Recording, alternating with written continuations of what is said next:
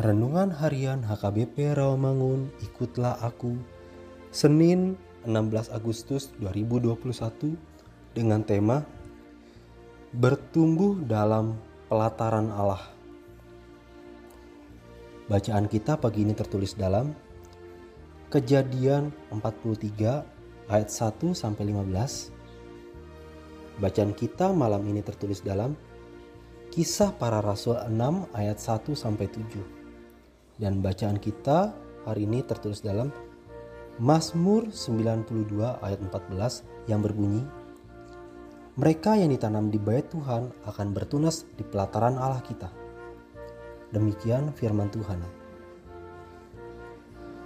Pemazmur dalam nats ini menggambarkan orang benar seperti ditanam di bait Tuhan, terdapat dalam ayat 14.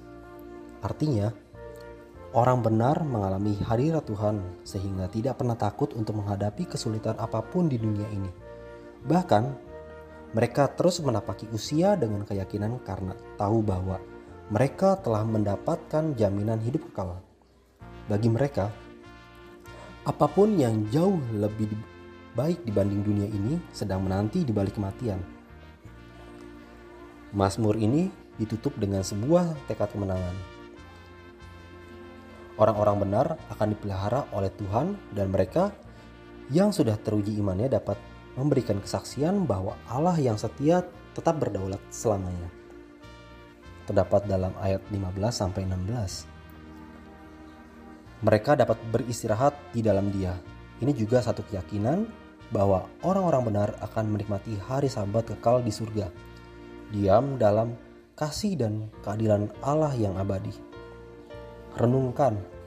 Saudara tidak perlu merasa iri pada orang-orang fasik yang kelihatannya menikmati kemakmuran.